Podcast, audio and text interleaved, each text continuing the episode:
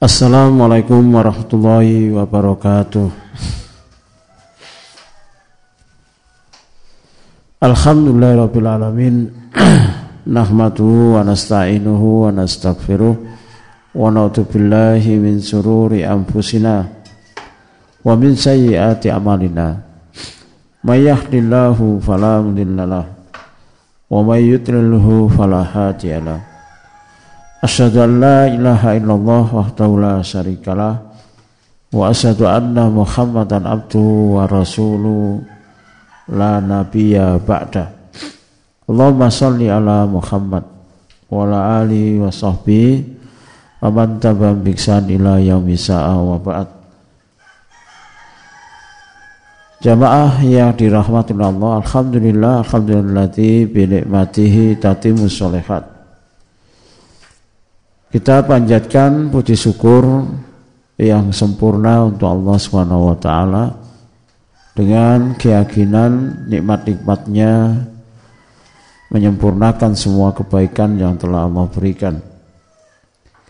Di pagi hari yang kedua di bulan suci Ramadan di waktu yang penuh berkah Semuanya kita kenali sebagai nikmat yang besar yang Allah anugerahkan yang harus kita syukuri yang seharusnya membuat kita semakin bahagia semakin mendekatkan diri kita kepada Allah Subhanahu wa taala. Setelah rangkaian ibadah yang sudah kita lakukan hingga hari kedua dan semua yang kita telah dimudahkan oleh Allah Subhanahu wa taala dari puasa, salat malam, tadarus, kajian-kajian semoga semuanya diterima oleh Allah Subhanahu wa taala. Dan hari ini kekuatan puasa kita semoga ditambah oleh Allah Subhanahu wa taala dengan keyakinan puasa hari pertama diterima oleh Allah Subhanahu wa taala yang balasannya adalah dimudahkannya kita untuk puasa yang kedua dan semoga ini jauh lebih baik. Begitu juga Bapak Ibu di pagi hari yang kedua ini semoga kita juga diberkahi dengan keberkahan yang jauh lebih besar. Sehingga semuanya ini membawa harapan bahwa betul-betul Ramadan tahun ini semoga jauh membuat kita lebih baik dalam semua aspeknya.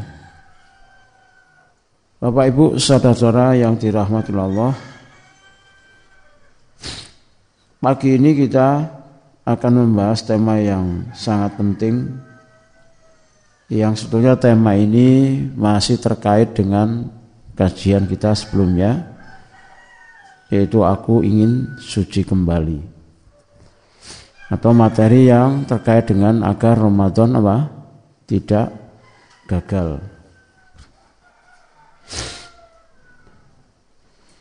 Dan harapan untuk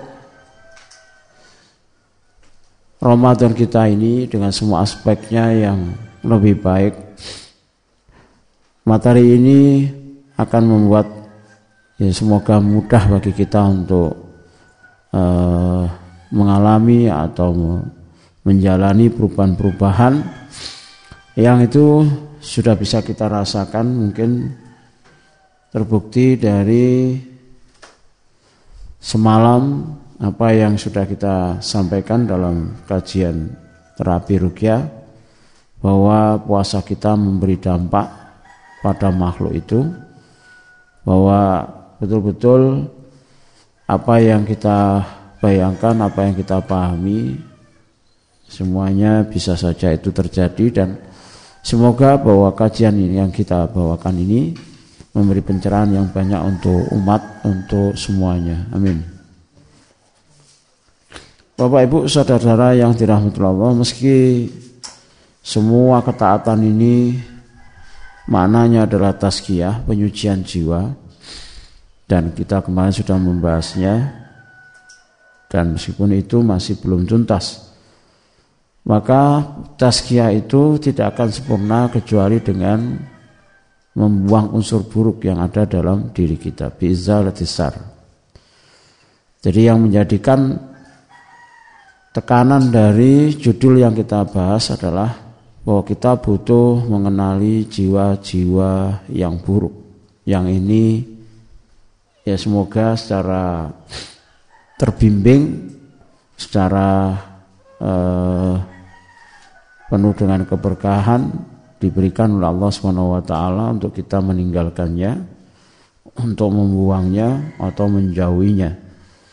Jadi Bapak Ibu, saudara-saudara yang dirahmati Allah, keasikan, kenikmatan kita beribadah tidak berarti hanya semata-mata beribadah yang tidak dimaknai, yang tidak tidak daburi, lalu di sana sini kekurangan-kekurangan kita, aib-aib kita, jiwa kita yang buruk tidak terkoreksi. Naudzubillah min dalik.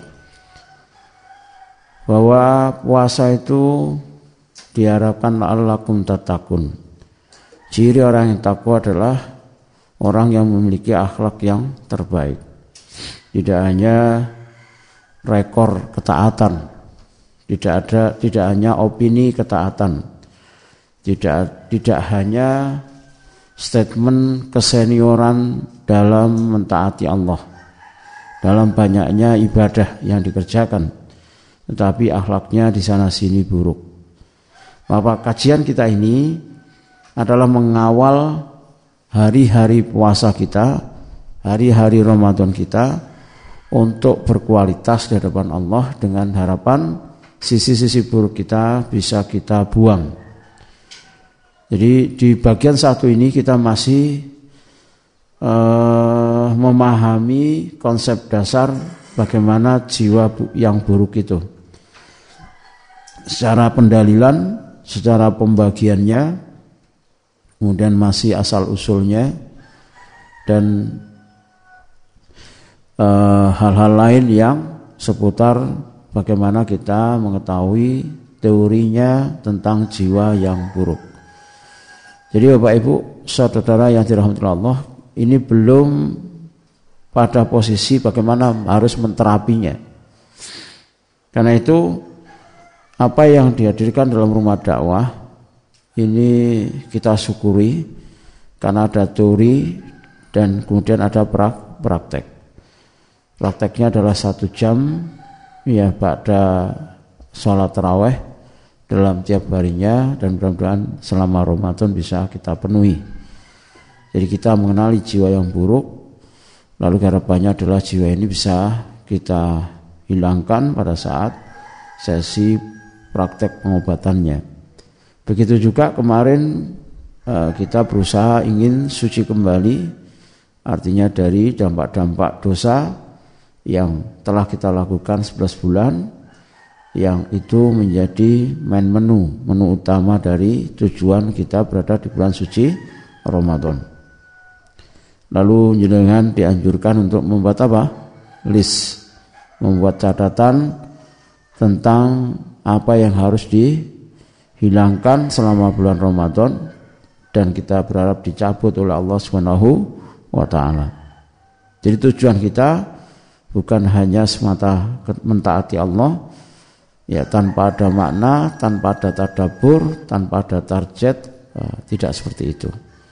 Jadi Bapak Ibu, saudara-saudara yang dirahmati Allah, karena ini penting sekali, maka ya kita akan berikan secara bertahap dan mohon untuk uh, bisa mengikuti ya dengan baik. Itu yang kita harapkan. Semoga kajian kita pagi ini dibimbing oleh Allah Subhanahu wa taala dijauhkan dari kekeliruan lalu kita pun diberi kemudahan untuk berubah sesuai dengan apa yang kita harapkan. Bapak Ibu saudara yang dirahmati Allah mengenal jiwa yang buruk kita ambil dari kitab Ighosatul Lafan dan ada wadawan ya. Alasan yang menjadikan uh, bab ini kita pilih Mungkin bisa ditampilkan slide-nya. Sudah? Belum?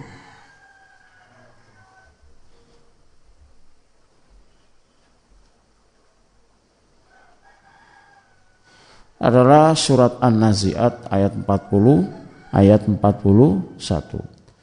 Fa amma man khafa maqama rabbih wa nafsa 'anil hawa fa innal jannata hiyal ma'wa.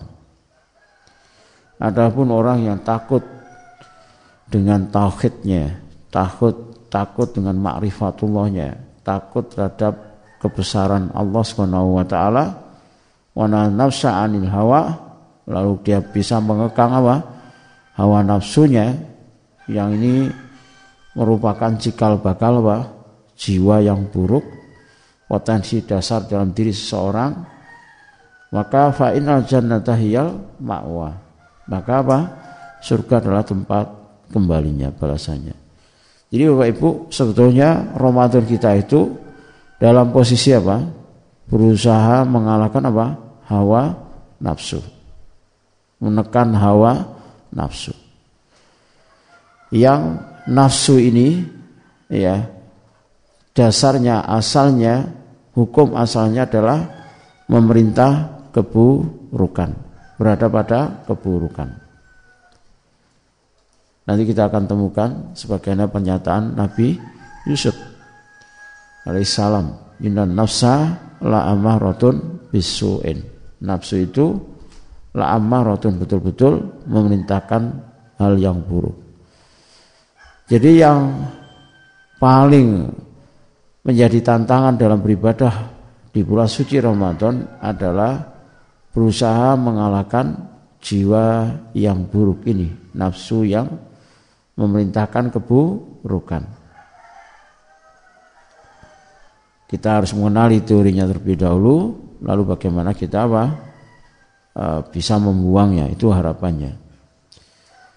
Jadi Bapak Ibu, saudara-saudara yang dirahmati Allah, ternyata Ramadan itu dengan segenap ketaatan yang di dalamnya itu bukan uh, semata-mata cuma apa? Kita puasa, sholat taraweh, tadarus, terus ibadah-ibadah yang lain. Lalu asar pengaruh dari ketaatan itu tidak ada dalam jiwa bahkan tidak ada proses muhasabah, tidak ada proses koreksi, tidak ada proses dialog. Jadi yang seperti ini sangat di apa? Ya tidak diharapkan dalam Ramadan. Karena kita tidak ingin masuk pada ancaman hadis Rasulullah SAW kamin so so imin laisa siyamau illa ilal ju iwal atas laisa jazau siyamuhu ilal ju ilal ju iwal atas jadi tidak betapa banyaknya orang puasa tidak mendapatkan apa? Balasan uh, puasanya. Kecuali apa? Kecuali hanya lapar dan haus. Jadi kita tidak tidak berharap bahwa kita ini gagal dalam puasa. Kita tidak berharap masuk dalam hadis Rasulullah SAW juga man hurima khairaha fakot hurima. Dari siapa yang dicegah dari kebaikan Ramadan yang besar maka dia akan terhalangi. Man hurima khairaha fakot hurima seolah-olah definisinya adalah Allah yang yang berkendak. Ya, perhatikan ini seolah-olah bahwa ada yang sengaja didolimi sama Allah, dihalangi. Padahal yang seperti ini, ya, naudzubillah, ya, subhanallah, subhanallah, maha suci Allah dari apa? Dari semua sifat apa? Sifat negatif, sifat dolim. Terjegahnya seorang dari mendapatkan kebaikan yang besar bulan suci Ramadan banyak sebabnya dan itu dinisbatkan pada diri diri mereka sen, sendiri. Kita sudah sering menyampaikan di bulan suci Ramadan seyogianya HP ini dijauhkan. Pertanyaannya berapa persen umat Islam di Indonesia yang tanggap dan mencermati hal ini? Jawabnya berapa persen? kira-kira banyak persen bisa saja 90 persen orang yang hidup di bulan Ramadan dia masih dengan masih asik dengan apa Penggunaan setan gepeng-gepengnya. Apalagi dengan alasan apa? Daring, online. Bisa saja siangnya dia taat, malamnya dia kumat, malamnya dia akses lagi apa? Setan gepeng, gepengnya. Bahkan bisa saja siangnya sudah jatuh pada setan gepengnya, apalagi malam malamnya. Yang seperti ini jumlahnya bisa sangat banyak. Maka Bapak Ibu saudara yang dirahmati Allah kembali kepada makna ubudiyah. Ubudiyah itu harusnya bermakna tazkiyah. Bermakna apa? Penyucian jiwa. Adanya pembersihan. Bukan hanya sekedar mengumpulkan apa? Nilai-nilai pahala lalu kita berbicara kewajiban sudah ditunaikan lalu selesai. Kemudian Ramadan usai semua kembali buruk seperti semula. Jadi Bapak Ibu, silakan dalami, maknai ketaatan-ketaatan bulan suci Ramadan dalam rangka apa? Dalam rangka apa? Tazkiyah, tazkiyatun nafs. Silakan tadarus tujuannya tazkiyatun nafs. Silakan salat raweh harus dimaknai apa? Tazkiyatun nafs. Begitu juga dengan hari kedua kita puasa harus diikuti dengan apa? Dengan penyucian jiwa. Artinya puasa kita tidak hanya menahan makan minum, puasa kita juga pikiran kita, puasa kita adalah hati kita. Kalau orang itu menghadirkan totalitas penghambaannya kepada Allah, fisik dan jiwanya, maka dia akan dibalas oleh Allah, Pak. Dibalas oleh Allah, Pak. Dibalas oleh Allah, Pak. Dibalas oleh Allah, Pak. Dibalas oleh Allah, Pak. Sampai pimpiro ini. Dibalas jangan diulang-ulang kalau salah. Dibalas oleh apa apa? Cari yang lain. Dibalas oleh Allah apa? Dibalas oleh Allah sampai berapa ini? Kalau kita ini beribadah dengan fisik dan jiwa, maka teruskan Allah akan membalas juga dengan fisik dan jiwa. Fisik kita sehat, jiwa kita terupgrade begitu. Dicatat ini kaidahnya. Ditulis ya. Sebagian kita ini beribadah di atas kewajiban, aturan, jiwanya tidak. Fisiknya puasa, fisiknya sholat malam, fisiknya sholat raweh, fisiknya tadarus, tapi jiwanya tidak pada ketaatan sebagaimana yang diminta dalam puasa tujuannya, dalam sholat malam tujuannya, dalam hikmahnya dia ikut sholat taraweh dan seterusnya dan seterusnya dan seterusnya. Dan ini yang menjadi PR umat Islam untuk Indonesia, untuk kita. Selagi umat Islam ini hanya beribadah pada ketaatan secara tradisi di atas keawamannya, tidak di atas kealiman. Kita ini tidak naik dalam posisi menjadi orang alim, tetap dalam keawaman, tetap dalam kaidah pokoknya, pokoknya poso, pokoknya terawean, tidak tahu nanti bagaimana kualitasnya dan di tengah pun biasanya apa berguguran, maka kualitas umat ini akan sulit untuk diang, diangkat, ditinggikan, dibangkitkan. Jadi Bapak Ibu saudara yang dirahmati Allah betapa Allah mengendaki kita untuk pinter Allah mengendaki kita untuk memaknai ketaatan itu. Karena memang di dalamnya perintah Allah itu diturunkan secara sempur sempurna berkaitan dengan tubuh manusia. Yang tubuh manusia itu ada roh, ada jiwa, ada fisik. Di tubuh manusia itu ada akal, ada hati, ada otak, ada pemikiran. Jadi lengkap. Nah tidak mungkin beribadah kepada Allah cuma kata orang Jawa itu apa? Rogoni tapi jiwanya ti, tidak. Batinnya ti, tidak. Yang puasa cuma apa? Fisiknya, rogoni. Hatinya tidak, batinnya tidak. Perilakunya tidak. Ya. Yang yang yang dipuasai cuma tidak makan, tidak minum. Ya, yang dipuasai sebatas ya yang membatalkan fikihnya tapi yang diterima secara syar'i dari tujuan puasa itu sendiri yang artinya dia bisa mengkang jiwanya, mengkang nafsunya, tumbuh akhlak yang lebih baik itu belum tercapai. Jadi kadang mulut kita dalam posisi puasa juga masih bohong. Gitu ya. Mulut kita ini dalam posisi puasa ya yashab, masih teriak-teriak. Masih marah, bentak. Mulut ini tidak bergerak kecuali dari pikir, pikiran. Pikiran ini tidak tereksekusi kecuali dari ha, hati. Jadi orang itu masih dalam kondisi bu, buruk jiwanya. Padahal dia puah, puasa. Tidak mungkin orang itu membentak, tidak mungkin orang itu berdusta dan berbagai macam keburukan saat puasa kecuali melibatkan matanya dan fisik-fisik anggota fisik yang lainnya. Jadi Bapak Ibu, mari kita tingkatkan puasa kita ya tidak di atas keawaman, bukan di atas tradisi, tapi di atas apa? Keali, kealiman. Wa ma man khafa maqama rabbih wa nafsa 'anil hawa fa innal jannata hiyal ma'wa. Jadi harapannya apa? Betul-betul kita dimasukkan ke surganya Allah Subhanahu wa taala.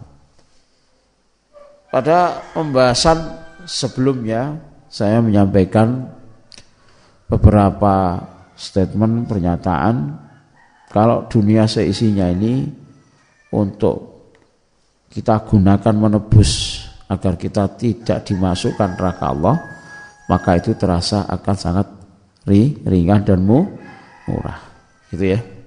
Dan itu kita setujui ya. daripada dihukum dimasukkan nerakanya Allah meskipun cuma satu hari tapi itu seribu tahun. Yang kalaupun itu posisinya paling tepi cuma apa tersulut api sebentar sedikit atau terpecik ya. Lalu otak mendidih selama seribu tahun tidak ada yang berani tidak ada yang mau ya untuk mengalaminya naudzubillah min dalik ya kalau ditanyakan bagaimana kalau kita bicara penebusan kita pun akan mengatakan minta berapapun kita akan berani menebusnya sampai dunia seisinya sekalipun. Padahal Allah juga tidak apa menuntut kita sebesar itu. Toh kita juga tidak akan pernah bisa apa? Mampu memenuhinya. Yang Allah inginkan cuma kendalikan nafsumu. Yang Allah inginkan adalah lebih ringan dari itu, yaitu mengendalikan jiwa yang buruk. Mengendalikan apa? Jiwa yang buruk. Bapak Ibu, kurang bermanfaat. Ya, manfaatnya sedikit. Bahasa mudahnya percuma.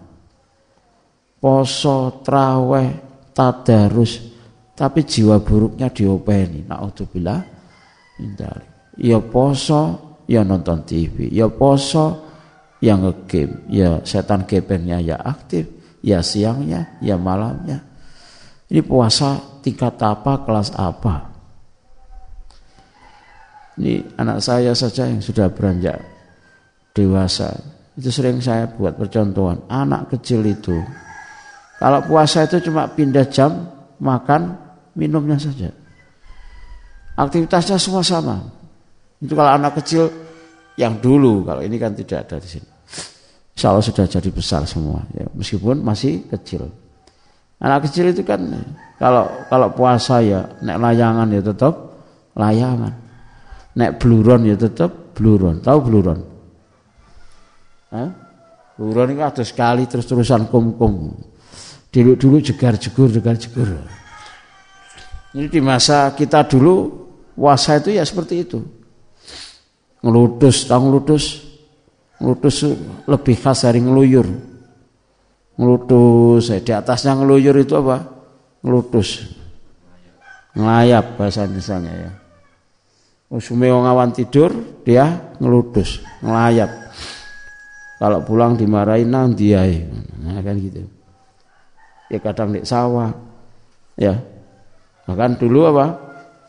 Bolangnya yang ngambil tebu. Ya bukan miliknya. Nah, masa masa puasa kita di tahun 2021 yang generasi dikatakan milenial masih seperti substansinya seperti anak kecil zaman dulu. Jadi puasa Ramadan setan gepengnya juga mendampingi. Nauzubillah min ini bukan berarti yang online, wah ini setan gepengnya gimana? Oh enggak, itu malah bagus. Sebaik-baik setan gepeng. Artinya bukan setan gepeng kan? Fasilitas yang harus disuku, disyukuri. Tapi hati-hati. Kemarin kan sudah saya ter, saya sekali. Jangan terlalu apa? terpancing. Ya mau lihat ini, lihat ini, lihat ini. Tahan dulu. Tahan dulu. Sebaiknya tidak perlu. Karena ya apa masadanya jauh lebih besar. Meskipun Bapak Ibu bukan berarti ini hanya terjadi di bulan suci Ramadan. Lalu setelah Ramadan selesai kumat HP-nya, tidak begitu. Dan Masya Allah ya Ini Ya semoga Allah berikan keberkahan untuk kita semuanya Artinya terkadang bahkan Atau nanti kita buka ya Pengaruh negatif penggunaan HP Dan terapinya Gitu lebih bagus. Ya. Artinya kita sering nyebut setan gepeng itu kalau nggak dijelaskan pengaruh negatifnya kan secara lebih maksimal dan kemudian bagaimana dampaknya terapinya ya setannya tetap tidak keluar kan begitu kan e, bab ini bermakna harus apa biizalatis sar membuang unsur buruk kalau tidak ada proses terapi itu kan mulek saja ya mulek tahu mulek mutar saja nggak ada kejelasannya. Ada salah satu proses rukyah. Ada salah satu apa? Proses rukyah. Ini supaya jenengan memaknai tazkiyatun nafs itu seperti apa. Lalu dalam proses rukyah itu di tengah-tengah terjadi dialog antara tim rukyah dengan gangguan nasab jin nasab. Bahkan ada juga yang bukan dengan nasab, tapi dengan uh, ilmu kanuragan. Ya, ilmu kanuragan. Waktu itu yang bersangkutan apa tidak mempan dibacok. Meskipun itu untuk hal positif. Ya, hal positif itu apa itu? Ya artinya bisa saja dikemas dengan nahi mungkar. Lalu lama yang bersangkutan dapat tidak hidayah. Ini banyak kejadiannya. Nah, ada momen kita panggil makhluk itu karena ternyata makhluk-makhluk ini itu tidak terima dengan apa? ditinggalkan. Tidak terima dirinya merasa apa? dicampakkan. Dianggurno. Iki karpe piye? Kalimatnya jawane itu begitu apa itu? Maunya gimana gimana? Nganggur. Jadi makhluk itu dianggurkan. Ya. Artinya bahwa meskipun orang itu sudah to, tobat, makhluk itu sudah ada di, da, di dalam. Paham? Nah ini tidak bisa hanya sebatas itu terus selesai ya lalu tidak ada ganggu tidak gangguan tidak ada gangguan atau tidak ada perilaku jiwa yang bu, buruk makanya gangguan dari yang satu bisa saja berganti ke model yang satunya yang lain. Yang intinya bahwa konsekuensi tazkiyatun nufus itu harus diikuti dengan pembuangan unsur yang buruk. Jadi mengenal jiwa yang buruk itu untuk apa? Nantinya untuk diterapi. Nah sama dengan fungsi HP itu. Kalau orang itu sudah maniak dalam banyak hal, setelah itu di bulan Ramadan HP itu ditaruh, maka itu belum belum apa? Belum ngantuk. Belum cukup. Kita lihat ini lobet ini banyak lobetnya ini gara-gara kebiasaan minum kopi kalau ngaji sebelum Ramadan. Ini ada harus dikaji ulang ini. Harus ada litbang. Eh, kalau sebelumnya berarti kan tergantung dengan ko kopi. Kemarin saya bilang apa? Ada ilmu untuk membuat kita apa? Tidak ngantuk apa kemarin? Hah? Kemarin apa ya? Hah? Apa? Hah? Mahabbah? Mahabbatullah. Jadi Bapak Ibu saudara yang dirahmati Allah, energi kita itu seharusnya bukan energi fisik. Nah. Kita lihat jadi kan masih terpapar fisik. Nah. Belum bisa fisiknya mengendalikan, uh, rohnya bisa mengalahkan fisiknya. Jadi ngantuk itu ya, ini ilmunya ya. Ngantuk itu kan bisa dilawan. Jenengan kan ngelawan, seliut, biar pet, biar pet. Yang salah di mana itu? Ini ngaji apa? Uh, bukan three in one, banyak banyak in one. Ya upgrade, ya taskia, ya ya ada ilmu yang ditambah. Yang salah di mana? Oh ngantuk kok salah Ustaz? Ngantuk itu enak. Nah itu ngono tambah salah nek sampean nyerengkel kayak gitu kan salah. Dudono ana setane, ngono kok nesu. Kita diskusi ilmiah saja loh. Yang salah di mana itu? Nggak pernah dijawab, nggak ada tulis nggak ada ilmunya. Yang salah itu mengandalkan diri sendiri. Jadi kan itu tak kasih ilmu sudah awal-awal Ramadan loh ya. Sebelum Ramadan sudah jangan mengandalkan Ngantuk itu bisa didongani. Orang kok tambah supaya tetap ngantuk, kalau ngantuk tambah enak. Minta kepada Allah zat yang mengendalikan rasa ngantuk itu. Jadi ada hormon, ada di otak ini yang apa? Hormonnya itu untuk mengendalikan apa? Rasa ngantuk. Sedangkan Allah itu la taqutusin natu Nah, kita ini punya hati. Hati itu orang mukmin itu innamal mukminun alladzina idza dzukirallahu wajilat qulubuhum. Lah hati itu bergetar besar di bulan Ramadan. Kadang tubuh ini perlu dipukuli. Itu teknik apa konvensional, teknik kasar, teknik pasaran. Wajah kok ngantuk ayo, waplok ya, ayo. coba, sama coba. Enggak lah, kene ini wabang kabeh sebenarnya. Gue gak ngantuk tuh, coba sampean kaplok ya lho. Oh gak manut mbek pikiranku, gak manut mbek karepku. Tan setan wapuki. Yang aneh itu nanti kalau sudah selesai ngaji gak ngantuk kabeh, lebih luar enak. Ya, ini ini masalah kan? Padahal kita bergerak dengan jiwa mukmin kita membahas tentang Allah. Dan ini Ramadan. Maka jangan mengandalkan diri, berdoa sama Allah, berdoa kepada Allah. Ya Allah beri aku kekuatan untuk menahan rasa ngantuk meski tanpa kopi. Ya, no. Seru enggak ya? Seru. Ya kayak gini-gini nih, ini berapa lama, berapa tahun saya membina di Masjid Kolbun Salim dulu juga begitu. Us, meripate wabang ditahan. Kalau dulu bahkan sampai saya iming-iming hadiah buku, uang, apa perlu begitu ya? Kayaknya perlu begitu. Ya. kita kumpulkan buku, kita siapkan duit, ya nanti pertanyaan itu kita tujukan bagi yang ngantuk. Ayo yang ngantuk, coba jawab. Kan duitnya aman, bukunya A.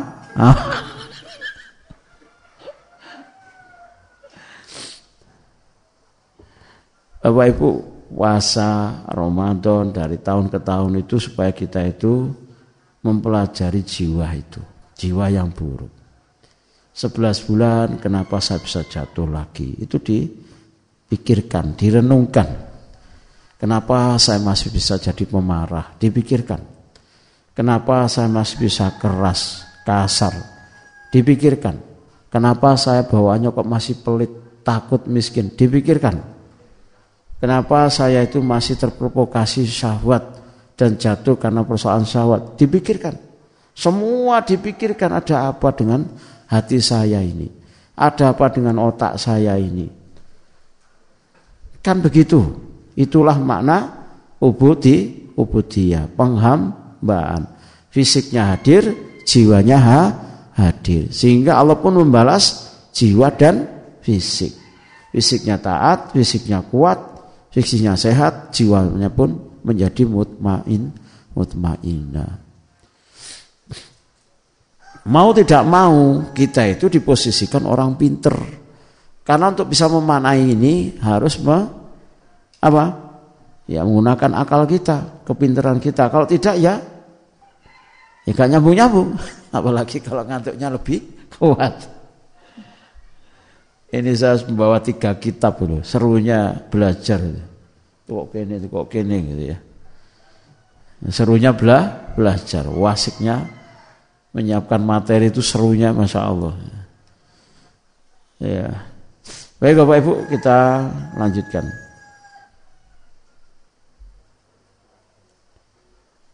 Bentar.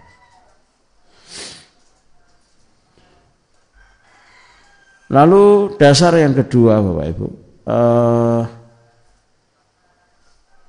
adalah Rasulullah SAW ya juga mengajarkan kepada kita untuk berlindung dari kejahatan jiwa itu. Dari perilaku yang buruk juga. Jadi kenapa kita memilih mengenal jiwa yang buruk? Karena karena tujuannya supaya apa? Kita tidak pada perilaku buruk karena sebab jiwa yang buruk. Allahumma afini min syari sam'i wa basari wa lisani wa qalbi wa min sari minni akan sampai dijelaskan uh, apa soal hubungan suami istri ya Allah selamatkan aku dari kejahatan kopengku telingaku kalau dengar kajian males nek dengar musik apa? Oh, terengginas. Semua angkat. Bahkan tubuhnya ikut goyah, goyah, goyah. Wah, akhirnya no dalil oleh ini musik. Oh. Wah, akhirnya dibuat fatwa-fatwanya atau dibuat bagaimana nilai sehatnya macam-macam. Padahal itu ya tidak seperti itu.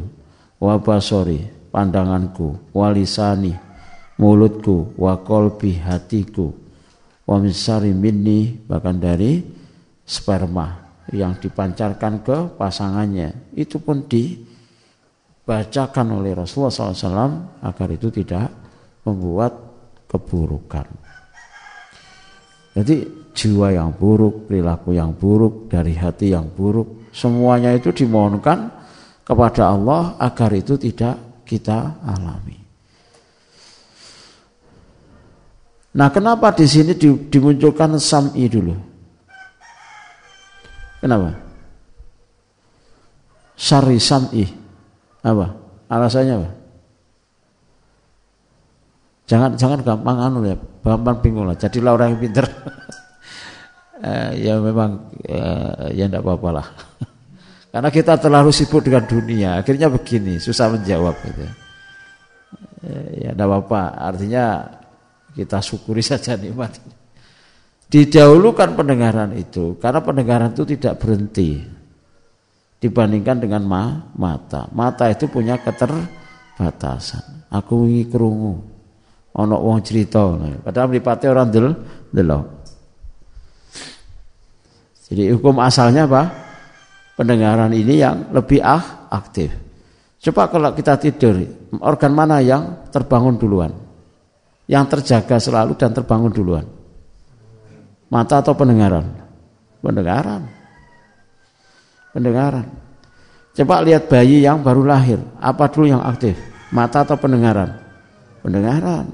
Karena didahulukan min sam'i. dengan harapan bahwa input informasi yang terbesar itu agar terhindar dari kejahatan. Kalau sekarang mungkin mata karena semua melototin HP. Kan gitu. Kan melototin HP. Wah, sorry. Dari jahatnya pandanganku. Ini jiwa yang buruk. Jiwa yang buruk. Walisani lalu mulutku. Wong mulut kok ya omongane ya kuasar, kaku. Oh ibadahane wis suwi, bathuke ya ngapal. Apa mana ditambahi jeng, jenggot. Tapi ya kaya kasar kaku piye carane ngono. Wong kok gak ono lembute. Sajane sing diibadahi sing di sing apanya. Padahal semua ketaatan itu mempengaruhi mempengaruhi ke mana? Ke mana? Semua ketaatan itu berpengaruh ke mana? Perilaku. Semua ketaatan itu berperilaku ke mana? Ber, berpengaruh ke mana? Semua ketaatan itu berpengaruh di hati seseorang. Orang itu kalau terus beribadah itu, hatinya akan apa? Tambah kasar atau tambah lembut? Nah sekarang orang ibu adanya sampai kenceng banyak kok hatinya masih kasar. Jadi dia ini ibadah dengan model apa? Fisik tok atau jiwa tok atau dua-duanya? Fisik tok. Bahasa bisa rutinitas saja. Sujudnya ya sekedar sujud, maknanya tidak banyak. Ya, ngimami, rokok, baca surat, baca ayat, baca doa, baca zikir, cuma dibaca, hatinya tidak nyam, nyambung. Ini problem Bapak Ibu. Lalu wakolbi dan hatiku. Ini yang lebih akar lagi. Wa min minni dan dari kejahatan apa? Syahwatku. Syahwat ini kejahatan. Ada kejahatan. Selain dia sebagai fitrah. Ini masih dalil-dalilnya ya. Itu saja sudah lelah. ya inilah ngaji jiwa. Ngaji taskiyatun nafs. Bahasanya kok kena kabel lah repot. Ya, itu semuanya cara Allah mengendaki kita agar apa? Ramadan ini lebih berkel, berkelas, lebih baik. Amin. Di hadis yang lain, riwayat yang lain, Allahumma inni a'udzubika min syarri sam'i wa min syarri basari wa min syarri lisani wa min syarri qalbi wa min syarri minni. Jadi Allahumma inni a'udzubika jadi yang bisa mengendalikan mata kita tidak ngantuk siapa? Karena itu jangan jangan mengandalkan diri sendiri ngantuk ditinggal. Ini mengandalkan diri sendiri. Oh kita itu bisa berlindung pada ya Allah aku berlindung dari mata yang ngantuk ketika aku ngaji. Ngono. Sekali berdoa mungkin belum perubahannya besar. Sepuluh kali berdoa masuk kate ngantuk terus. Kan begitu. Tapi kalau jenengan tidak tahu Allah kan dinikmati aja. Kan gitu. Jadi Bapak Ibu Allah lah yang bisa mengantarkan kita dari satu kebaikan kepada kebaikan. Ya ini penting. Memang, memang harus satu saat harus ada apa? Improvisasi dalam berdakwah itu. Coba kalau saya siapkan uang ya, itu kan mata tiba-tiba mencicil kabel. Seratus ribu langsung beli apa ya? Apa apa ya? Saya punya mahasiswa begitu sering. Kalau kuliah saya buat pertanyaan lalu saya berikan hadiah. Itu yang tidak konsentrasi langsung saya saya saya apa? Disuruh jawab tidak bisa karena tidak tahu pertanyaan pertanyaannya. Karena semangatnya yang penting dapat uang. Lah ya, yang tidak konsentrasi yang guyon ya, akhirnya apa? Berbisik-bisik apa apa apa apa. Berarti betapa hebatnya pengaruh du, duit. ya Allah.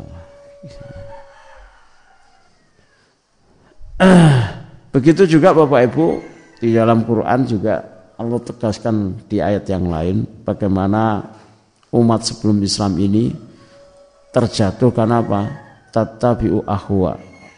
wala tattabi'u ahwa qaumin qad dallu min qablu jangan kau ikuti apa orang yang memperturutkan kaum yang memperturutkan hawa nafsunya Kalau kalau orang puasa dalam mempertukan hawa nafsu itu kayak apa? Puasa, dia puasa, tapi dikendalikan hawa nafsunya itu gimana? Ya tadi itu terpapar setan gepeng. Apa kata Allah? Qadallu min qablu. Mereka telah sesat sebelum kau. Wa adallu kasiran dan mereka itu apa? Sesat tersesat secara banyak ya dan mereka bahkan wa adallu kasiran menyesatkan banyak orang wa dallu ansu ansawa isabil dan mereka tersesat dari jalan yang lurus akibat apa itu mengikuti hawa nafsu mengikuti jiwa yang buruk dan yang lebih sering kita bacakan apa wa na'udzubillah min sururi anfusina wa min sayyiati amalina. Jadi Bapak Ibu, kita ini punya tantangan dua. Satu, iblis setan yang bertanduk itu ya. Lalu yang kedua adalah kejahatan nafsu kita. Nah, Ramadan itu titik tekannya apa? Memberangus, mengendalikan, menormalkan, memperbaiki kejahatan jiwa. Maka kita Beri judul apa? Mengenal jiwa yang buruk. Jiwa yang buruk itu menghasilkan apa? Amalan-amalan yang buruk. Wa min sayyiati a'malina. Ini dalam khutbah wajah, khutbah haja Rasulullah sallallahu alaihi wasallam. Jadi Bapak Ibu, uh, inilah ujian hidup. Jadi kita ini punya potensi jiwa bu, buruk. Jadi setaat-taatnya orang taat itu apa? Fa'alhamaha fujuroha wa taqwaha. Ya. Dan itu sesoleh-solehnya, setakwa-takwanya kecuali Rasul Rasulullah SAW. Jadi sudah enak-enak ibadah, tiba-tiba anak pikiran bu, buruk.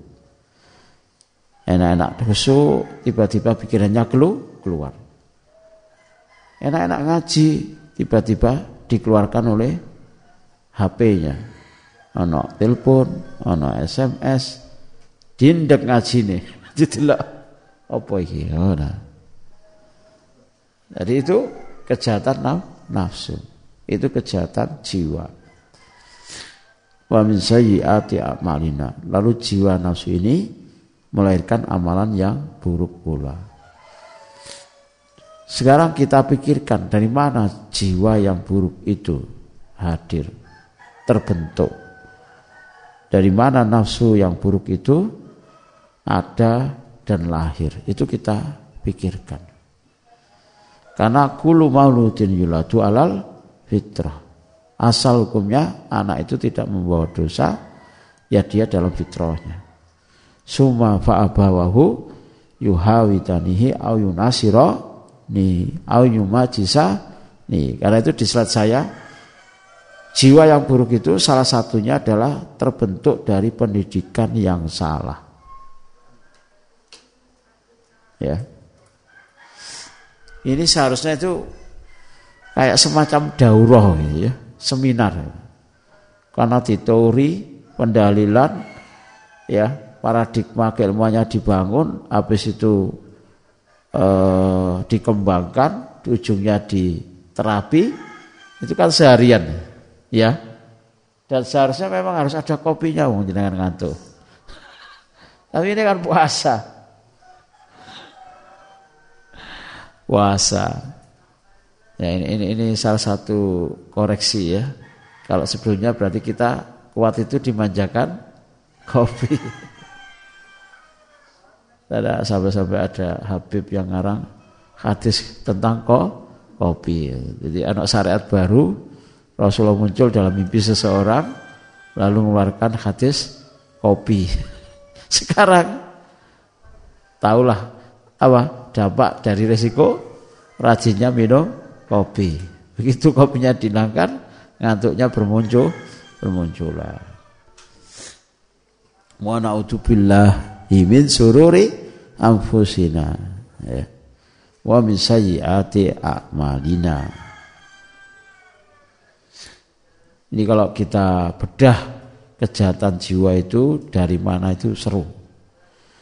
Baik, kita lanjutkan terlebih dahulu, kita lewati. Saya membawa dua, tiga kitab ya. Kita pendukung. Asal jiwa yang buruk.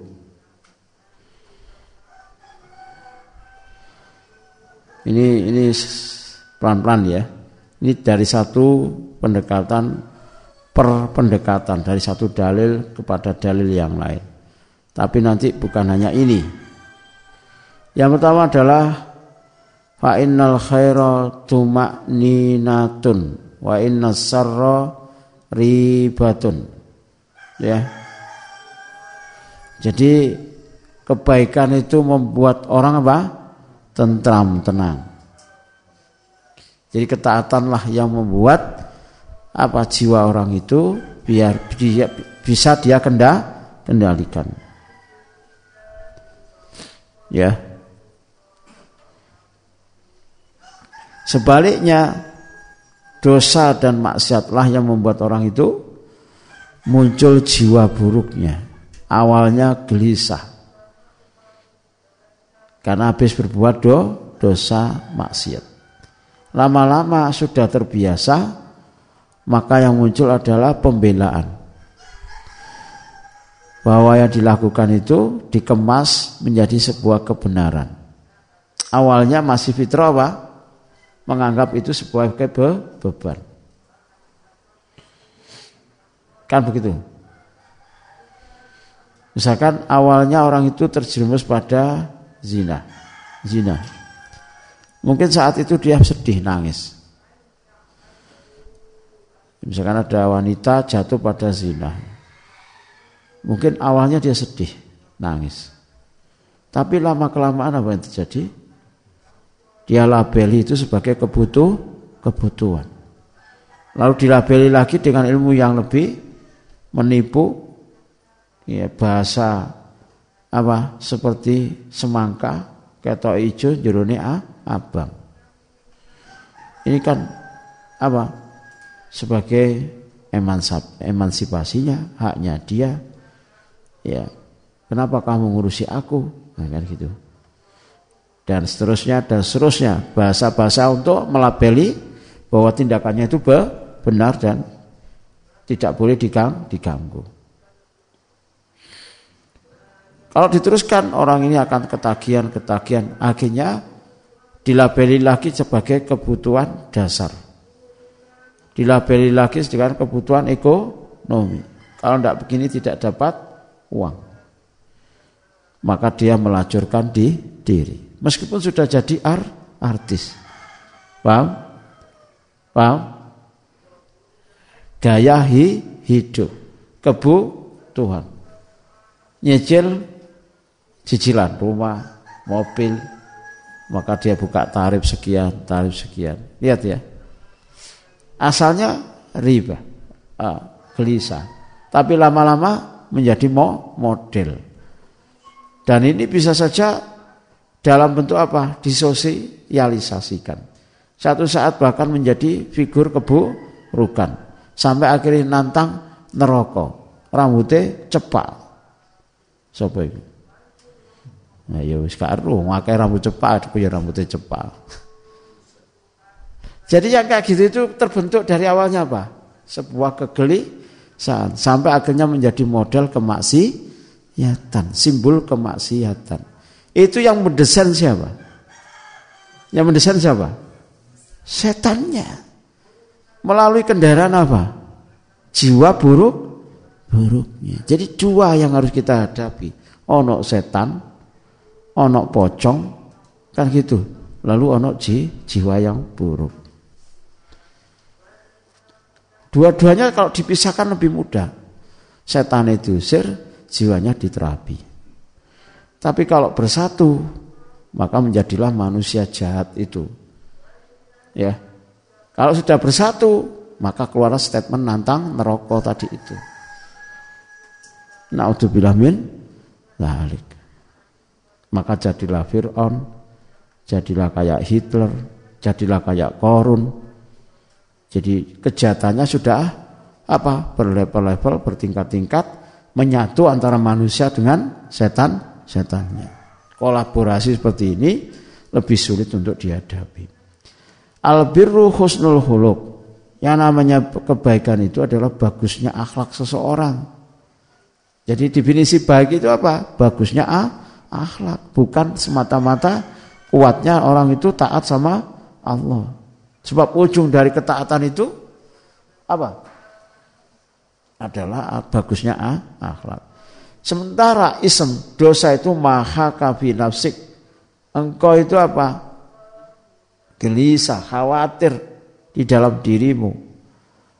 Wakaristah dan engkau tidak suka ayat li'a alaihin nas bahwa ayat li'a alaihin nas bahwa itu diketahui orang lain. Hukum asalnya begitu. Nanti berkembang akhirnya apa? Menjadi P, PD. Saya punya murid.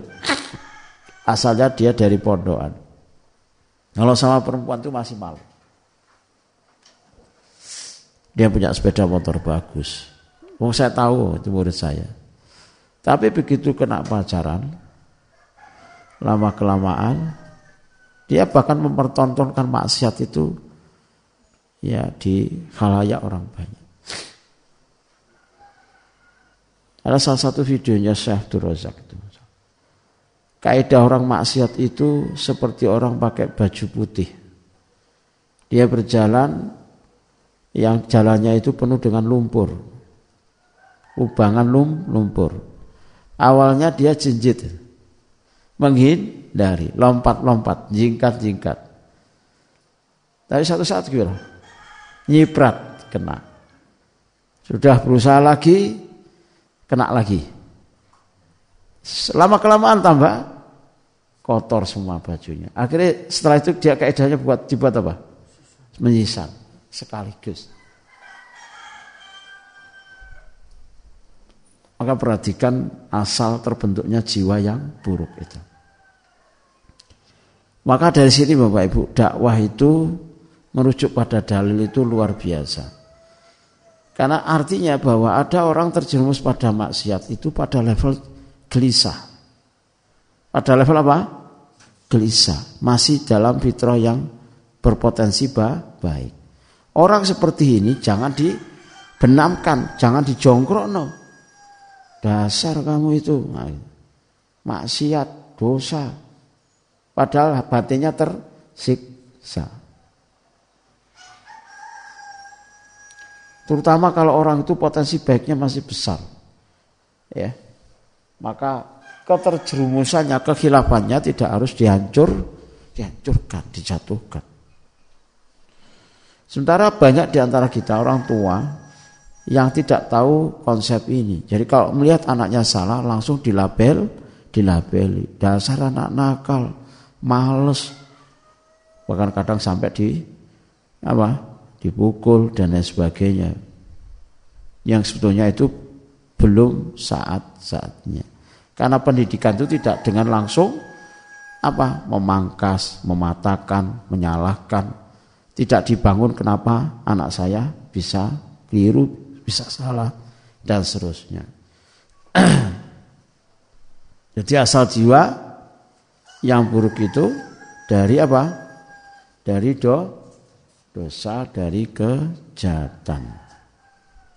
Maka kita sudah menemukan apa yang merubah jiwa kita yang fitrah menjadi bu, buruk. Karena dia menyerap unsur do, dosa. Karena dia menyerap unsur lara, larangan. Itu salah satunya itu ya.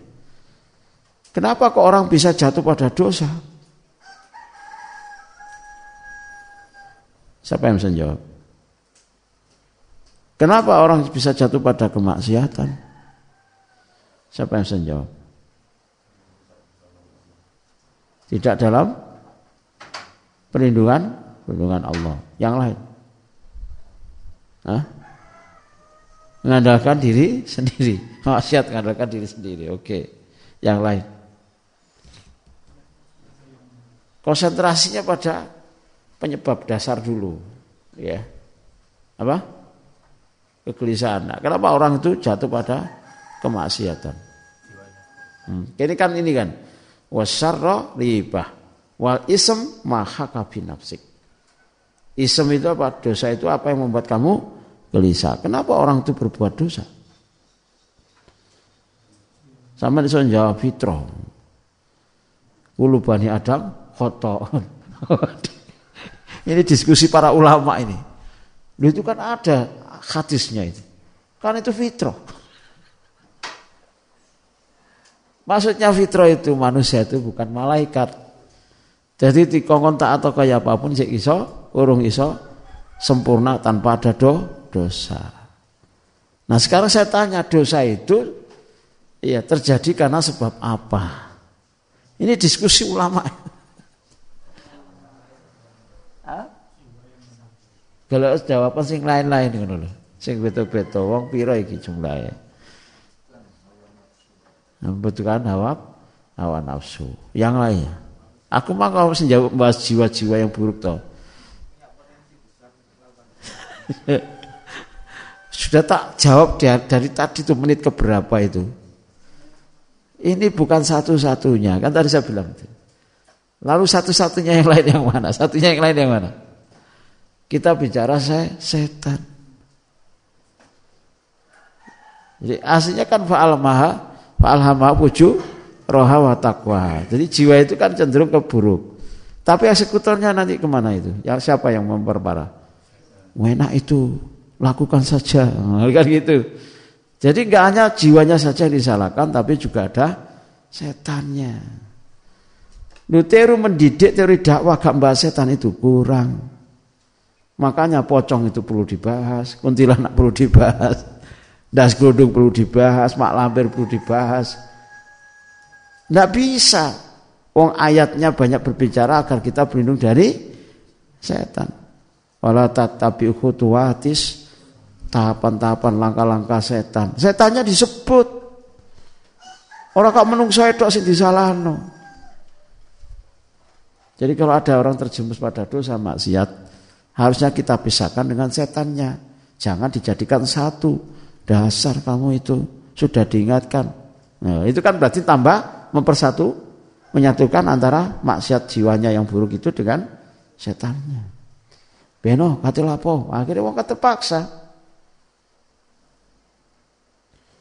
Jadi mendidik itu tidak sederhana yang dibayangkan. Karena kita ingin membuat anak murid pinter, tapi nggak tahu caranya. Niki gak beres, waplok. Dasar kamu diingatkan berulang-ulang marah. Nah, ini ada setannya ngamuk lagi tambahan kan. Sama saja dengan orang nggak ngerti tanam menanam pohon. nggak cocok dipuatakan, dikepras, tebang aja ganti aja. La haula wala quwata illa billah. Jadi kalau ada murid, ada anak, ada santri gitu ya, ada orang kita beritahu sia, kita didik, kita bimbing, kok angel? Itu maknanya apa? Maknanya apa? maknanya iku ono setani. Sebab kalau jiwa saja itu cenderung lebih mudah diarahkan. Jadi yang membuat orang itu sulit berubah itu karena dia sudah terjebak dengan kolaborasi jiwanya yang buruk dengan setan setannya.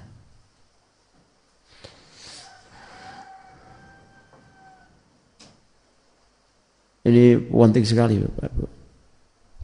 Nah Ramadan itu makanya kita tawarkan dalam dalam apa uh, kekajian yang berbasis apa taskiyatun nafs.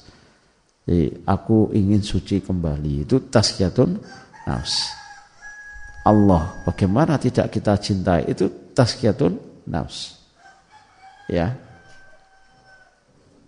Lalu sekarang adalah mengenal jiwa yang buruk. Substansinya adalah agar kita kenal dulu astagfirullahaladzim ini tidak boleh saya ikuti.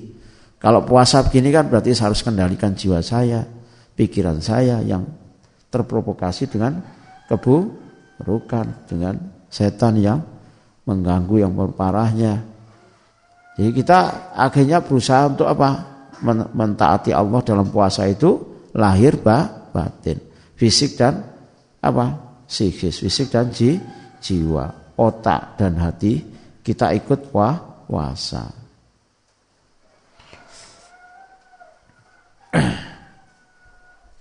Jadi Bapak Ibu kita terima bahwa di diri kita apa? Ada jiwa buruk itu. Ya, tapi jiwa yang buruk itu terbentuk dari dari apa? Dari do, dosa. Jadi dosa ini mungkin masih dalam fitrahnya orang itu geli gelisah. Orang seperti ini tobatnya mu, mudah. Sampai pada level jadi mode Mode apa itu? Mode pembelaan, mode gaya hidup, pilihan hidup, simbol simbol sukses, maksiat tapi dalam tampilan-tampilan dikemas benar. Dikemas versi hawa nafsunya tadi itu. Jadi setan sama jiwa buruknya menjadi satu kesatuan. Nah, Ramadan kita itu ingin melemahkan itu, jiwa yang buruk dilemahkan, setannya pun ikut lemah Lalu tetap aja harus apa? Ada yang dikeluarkan setan yang buruk itu.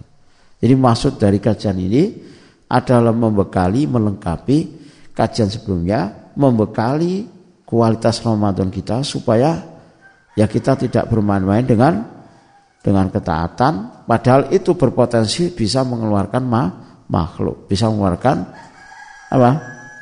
jinnya atau se, setannya.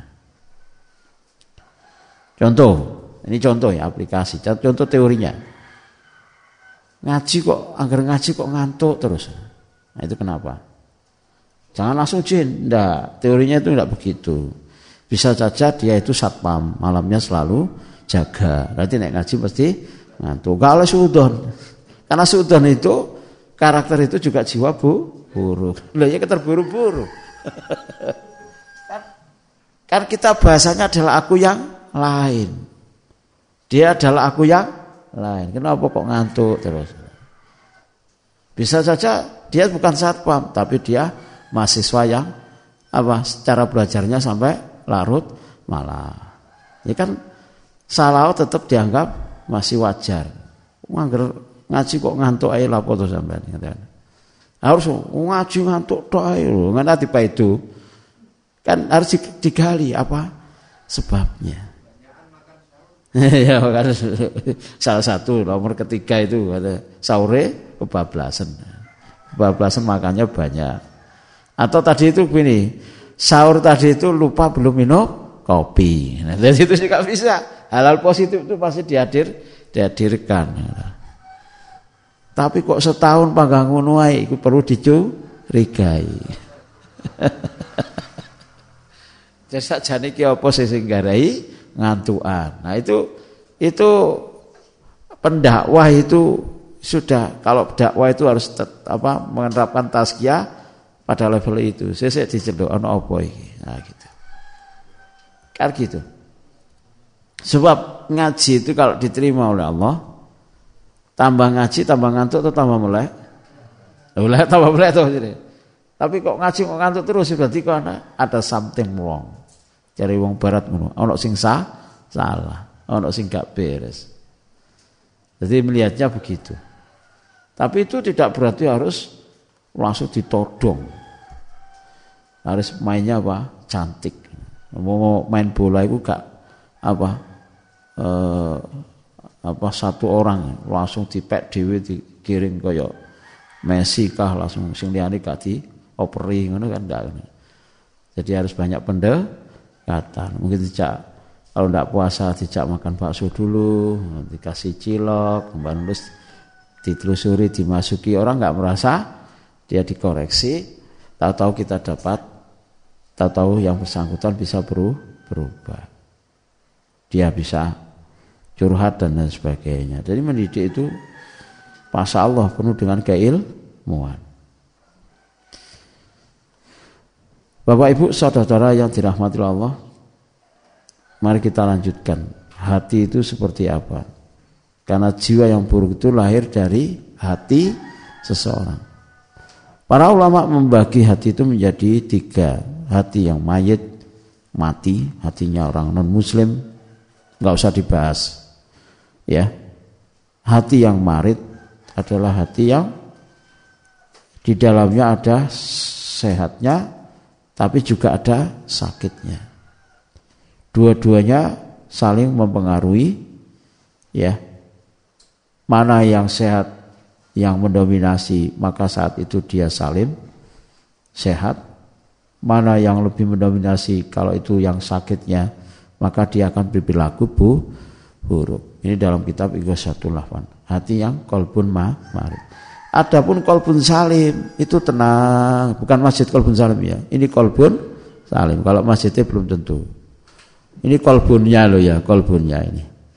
Nah maksudnya ya sakjane rumahnya Allah itu api, menungsone sing belum tentu. Ya kan menungso kan ini kan.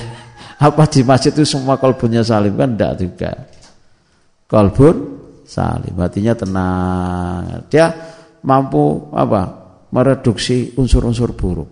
Jadi kalau ada keburukan itu diredam. Paham ya? Dia redam. Jadi dia siap menerima Eh, dampak dari keburukan seseorang untuk diminimalisir. Paham maksud saya? Kadang dalam membimbing umat itu perlu ngemong.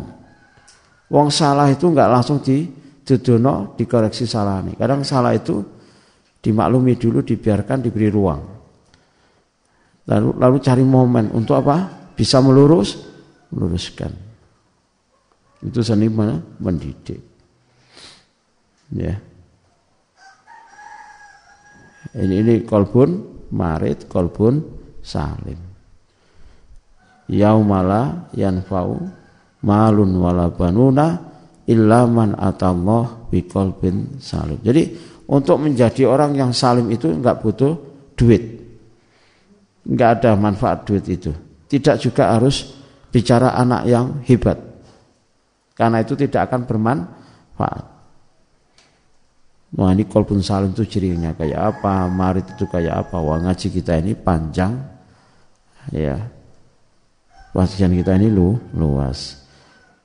Sementara dari hati ini akan muncul jiwa. Pembagian ji, jiwa. Yang pertama adalah amaro bisuin Jiwa yang pokoknya pingin elek, pingin maksiat aja. Datang seorang pemuda menemui Rasulullah. Ya Rasul, aku pingin zina. Sahabat yang lain gimana? Wih, langsung aja marah. Ya kan gitu. Lalu Rasulullah menahan tindakan sahabat yang mau menghakimi. Ini sahabat Rasul. Ya, masih ada kekeliruan. Betapa pentingnya keil muat. Ya. Walaupun pada saat itu memang proses dakwah Rasulullah kepada sahabatnya. Ada sahabat yang bisa taat soleh, tapi tidak bisa menahan diri ketika melihat kemungkaran. Beda dengan Rasulullah SAW. Rasulullah tahu bagaimana melihat bahan itu. Ini pemuda yang masih perlu dibimbing, bukan langsung dieksekusi. dieksekusi. Nah, kalau jenengan punya jiwa yang kayak gini itu enak itu. Nanti dipercaya sama Allah dalam banyak hal. Maka Rasulullah pun mendidik sahabat itu. Diajaklah dialog, diajaklah diskusi, nalarnya diaktifkan. Hasilnya akhirnya hilang keinginannya. Kemudian Rasulullah doakan. Nah ini tazkiyatun nafs itu tidak hanya apa? Tausiah gak no. Tidak hanya apa? e, mengajari tapi tidak membuang unsur buruk. Jadi ketika pemuda itu tercerahkan, tidak ingin lagi zina, maka Rasulullah mendoakan. Mendoakan itu adalah membuang unsur buruknya, mempermanenkan kebaikan. Maka setelah itu pemuda ini adalah menjadi pemuda yang paling baik. Tidak ada lagi keinginan bermaksiat lagi. Ini menjadi kaidah Bapak Ibu. Tazkiyah itu bagaimanapun dengan keilmuan, tausiah, kajian seperti ini itu tidak cukup. Harus ada praktek terapi, terapi, terapi, terapi, terapi, terapi. Tapi terapi sendiri itu tidak selalu menjadi parameter.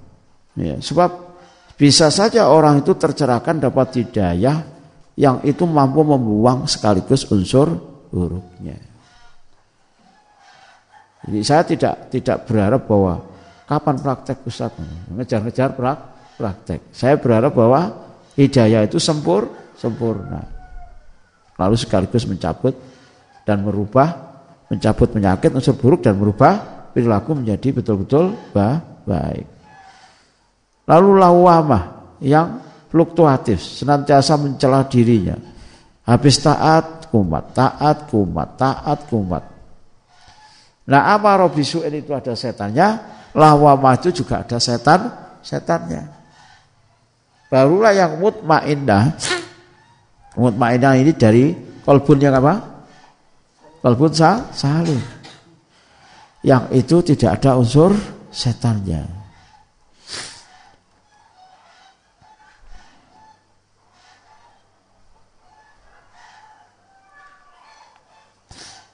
Tadi ada kolbun marit, lalu ada pembagian. Itu ada dalam kitab Wabilus. Ya.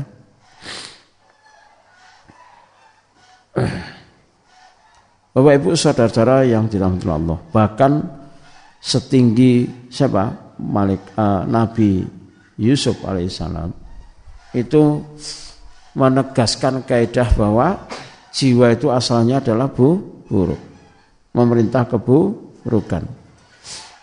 Dalam surat Yusuf ayat 53, wa ma uba riu nafsi. Aku tidak bisa membebaskan jiwaku, nafsuku. Saya tanya, Nabi Yusuf itu ya waktu itu masih muda, ya. Belum diangkat sebagai seorang nabi. Gitu ya. Kaidahnya baru menjadi nabi maka setan korin seseorang itu ditundukkan seperti Rasul Rasulullah Sallallahu Alaihi Wasallam. Gitu ya. Nafsi karena muda masih muda jiwanya masih bergejolak belum bisa mengendalikan sepenuhnya karena itu Inna nafsa la amaratun bisuin. Betul-betul nafsu itu membawanya pada perbuatan bu, buruk. Ingin melakukan dosa itu. Illa ma kecuali yang dirahmati apa Allah. Inna rabbi ghafurur rahim. Kurang itu ya. Jadi Bapak Ibu satu, kita mendapatkan teorinya bahwa untuk bisa membebaskan kita dari nafsu buruk itu butuh Allah Subhanahu wa taala. Nah, kita itu butuh rahmat Allah Subhanahu wa taala. Bukan mengandalkan diri sendiri. Termasuk untuk bisa mengalahkan nafsu buruk itu adalah dengan apa? Meminta perlindungan kepada Allah Subhanahu wa taala. Karena itu Rasulullah SAW berdoa dengan apa? Wa na'udzubillah min sururi anfusina. Wa min sayyiati amalina. Jadi perbuatan buruk itu lahir dari perbuatan buruk itu lahir dari dari jiwa yang buruk. Jiwa yang buruk itu tereksekusi menjadi sebuah kemaksiatan karena karena ada unsur gangguan setan. Ini saya bacakan terakhir kitab ini supaya dengan paham bagaimana para ulama memahami hakikat tazkiyatun nas. Bab Sania Asar. Ya.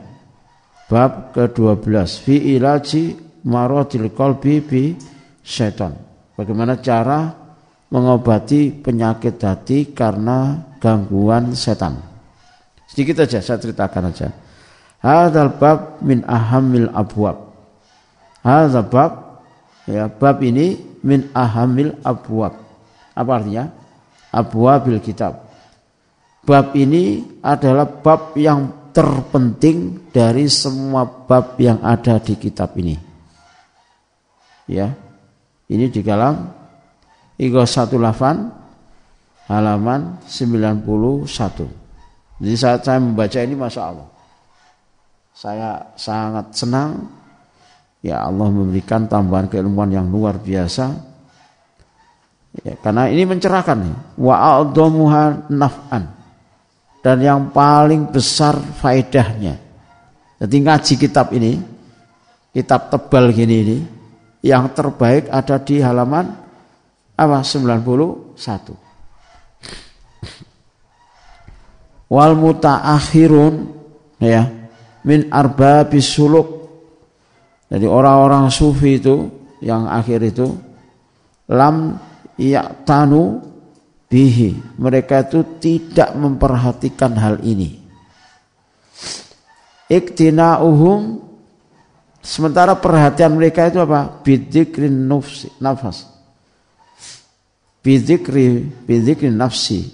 Cuma perhatian terhadap jiwa wa uyubiha dan aib-aib jiwa itu wa afatiha dan apa yang seharusnya ya sempurnanya jiwa tapi itu tidak ada. Jadi yang dikoreksi cuma apa? Kejahatan nafsunya. Ya. Kejahatan apa? Ji, jiwanya. Fa'innahu tawassa'u bistalik mereka itu membahas jiwa itu luas. Jadi pembahasan jiwa itu yang jahat itu diprototin terus gitu. Sampai-sampai apa ada sinar dari tetangganya masuk ke rumahnya gitu ya. Lalu itu dianggap sebagai apa? Sebuah keja, kejahatan. Kalau dia gunakan tanpa izin. Sampai kayak gitu itu. Ya. Ngeri kan? Tawasau fidalik. Mereka itu meluaskan tentang apa? Bagaimana terapi terhadap jiwanya yang buruk. Itu kalangan tasawuf sampai seperti itu. Wa qassaru fiha dal bab. Tapi dia menyederhanakan bab ini. Apa bab ini itu? Perhatikan. Wa man ta'amalul Quran. Siapa saja yang apa? dia merenungi, mentadaburi Quran. Jadi Quran itu gak diwaca Ada tadaburnya, ada perenungannya, ada pemahaman isinya. Wasunnah. Begitu dia juga dia mendalami Riyadus Shalihin. Sudah dibaca atau belum? Nah, gitu. Sunnah. Wajada ahum titit ahuma. Dia pasti akan mendapatkan perhatian Quran dan sunnah itu bizikri syaitan menyebutkan setan. Wa kaituhu tipu dayanya. Wa makaribatuhu perangnya. Mengganggunya. Aksar ya. Jauh lebih banyak mindikin nafsi daripada berlindung dari kejahatan jiwa yang buruk karena itu sebab terbesar apa orang maksiat itu setannya karena itu kalau orang itu ditazkiyah terus kan harus dirukyah. Tidak bisa. Kenapa begitu? Karena menjadi sebab terbesar adalah setannya. Cuma ini tidak kaku, tidak mutlak. Karena sahabat Rasulullah SAW di antara mereka ada yang zina, ada yang mabuk dan semuanya tobat ketika Allah berikan hidayah karena di tangan Rasulullah SAW sendiri. Itu menjadi berbe berbeda. Sedangkan kita tentang Rasul tidak paham, profilnya kayak apa tidak banyak tahu. Kita membahas surga neraka juga belum nyantol karena pengetahuannya terbatas. Syariat ini sedikit. Jadi kalau cuma satu kali tausiah, dua kali tausiah itu belum tentu mengangkat taskiahnya menjadi unsur buruknya lepas. Setannya belum tentu langsung keluar. Wa inna nafsa matmumah dzukirat fi qawli inna nafsa la amaratun bisu'in. Ya. Maka berlindung dari nafsu yang buruk itu disebutkan di dalam Quran apa? Surat Yusuf ayat 53 tadi itu. Inna nafsa la amaratun bisu'in. Walawamah tadi yang aktif itu yang suka mencela dirinya disebutkan dalam Qiyamah ayat 2 wala uksimu bin nafsi lawamah ya. Dan dan tidaklah aku bersumpah dengan jiwa yang apa? Selalu mencela dirinya. Wadukirat nafsi.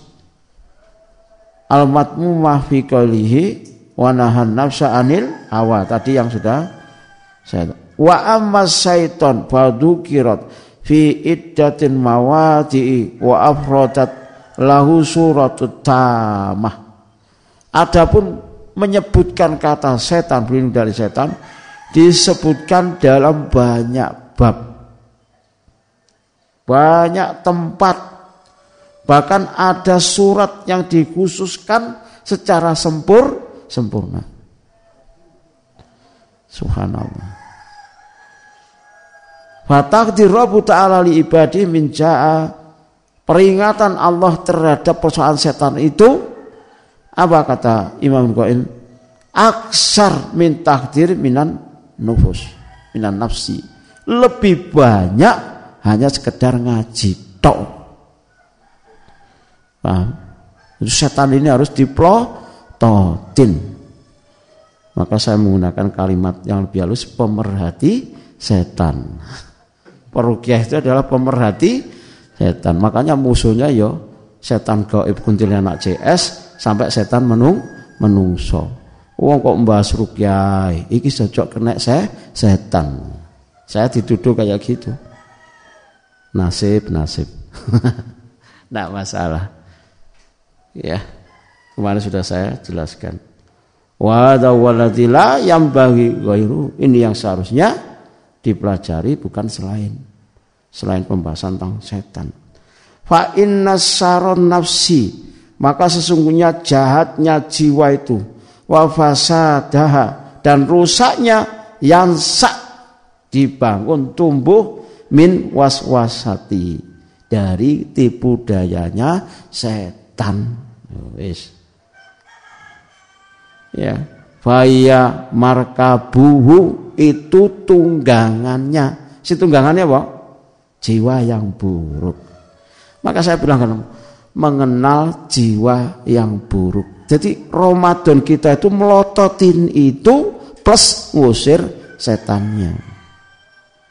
Makanya kita tidak kaget tuh ada orang Ramadan waktu Ramadan tenang lepas Ramadan kumat ya gak kaget oh, memang pendekatannya sebatas itu kekurangannya banyak wa mautu usari dan itu sasaran kejahatannya. Sasaran kejahatannya apa? Nafsu jiwa. Jadi setan itu sampai ngerti wong model ngene iki jatuhe dengan apa? Ah, so ngene gampang. Tik, nah, jatuh. Naik kuliah diplom itu serunya di situ. Saya ajak murid saya sehari bersama setan. Oh. Sampai tulis setan itu teko dengan model apa? Seru enggak? Semalam saya beri penjelasan bagaimana setan dalam saat kita puasa Ramadan. Maka saya pemerhati setan. Saya bukan temannya setan. Saya musuh besarnya setan. Saya mau cerita guyonan sedikit ya sebelum saya tutup. Sempat satu saat rukyah itu ya kita perang sama setan itu kan kadang membuat mangkel. Karena setan itu memang membuat marah. Jadi dia dia nyerangnya adalah dengan supaya kita marah. Dengan begitu dia bisa ma masuk. Berarti nek perukyah sik marah-marahan sebaiknya jangan perukyah dulu.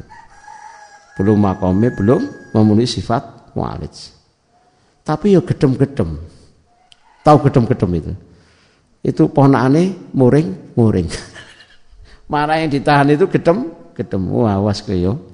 Tak tunggu. Tapi dia tahu kalau saya marah itu. Tapi saya bisa mengendalikan diri. Karena sebelumnya dia dieksekusi, disembelih, dieksekusi, disembelih gitu. Makanya dia menganggap kita teorinya sama. Padahal belum tahu juga bahwa kalau saya mengeksekusi itu kayak apa. Ditanya, ada momen di mana saya bisa membalas dia marah kan gitu. Karena dia menyebutkan asalnya dari hu, hutan. Dasar setan alasan orang sekolah TK ya ora. Jadi sahabat gitu. SD saja ndak. Tiap hari argumentasi ini cuma itu dok. Dasar goblok. Wis setane marah akhirnya. Ustad gendeng lumayan jadi bisa membuat setan marah. Asik ndak ya? Asik. Itu keren banget. Jadi ternyata setan juga masih bisa dibuat emo emosi. Rasane lowego, awas kapok ngapun Oh setan goblok maca ora iso. Yo ngene iki setan nang alas tok gak pernah sekolah, mau marah-marah dia ngamuk. Karena dia di dari hu, hutan. Asik enggak kayak gitu? Asik. Itu penutupnya kajian pagi ini. Baik Bapak Ibu semoga uh, apa namanya untuk pertemuan selanjutnya bagian dua jadi kan tidak ngantuk ya. Ya mudah-mudahan begitu ya supaya uh, bisa lebih apa ya menyerap lebih banyak lebih fokus dan seterusnya. Ada pertanyaan di situ? Tidak ada di admin ada benda ada tidak ada tidak ada baik di sini ada pertanyaan Bapak Ibu saudara yang dirahmati Allah, jadi inilah nuansa kajian kita. Kajian kita ini serius, kajian pemikir. Jadi mengeluarkan energi besar. Di samping serius memikir juga melawan setan masing masing-masing. Ada setan ngantuk. Kuyonanya begitu. Wallahualam bisawab. Mudah-mudahan kita dijaga dilindungi Allah. Ilmu ini menjadi ilmu yang diberkahi. Ya betul-betul kita terhindar dari jiwa yang buruk jiwa yang buruk ini bisa kita kendalikan, kita tekan, lalu setannya pun juga kita bisa usir dengan Ramadan insya Allah ini jauh lebih mudah. Wallahu alam bisawab. Subhanakallah hamdika.